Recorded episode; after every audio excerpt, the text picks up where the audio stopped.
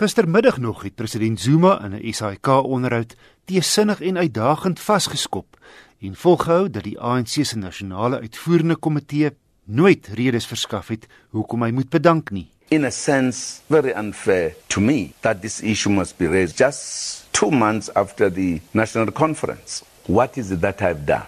Unfortunately, no one has been able to provide what is it that I've done. Laat gisterand, net so wat 'n uur voor die spertyd wat die NK vroeër van dese week aan hom gestel het, sou verstryk, het hy egter voor die druk gesoog. Hy het in 'n ligte luim 'n volgepakte media vertrek gegroet. Why we are working. Aren't we? I address you after Hy het gesê dat hy nie die politiek betree het vir die voordele daaraan verbonde nie. In my case, some have even dared to suggest that one's PACs and post service benefits should determine how one chooses to vacate political office.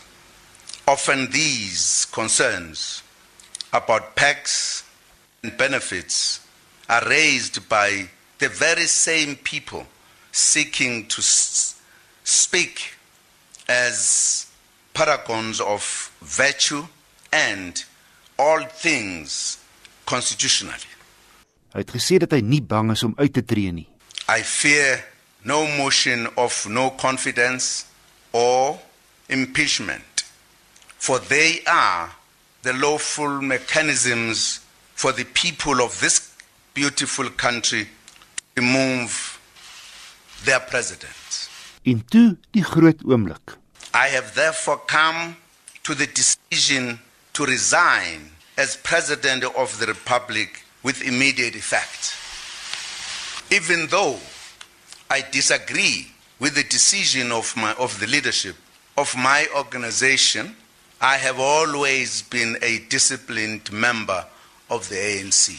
Zuma het ook sy kommer uitgespreek oor faksies wat slaags geraak het. I've also been disturbed by the instances of violence that have occurred because of the different views among members of our organization outside our headquarters, Lutuli House. No life should be lost in my name, and also the ANC should never be divided in my name.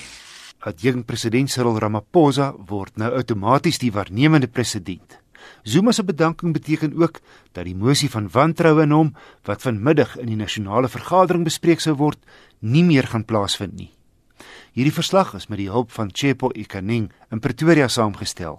Wessel Pretorius vir SAK nuus.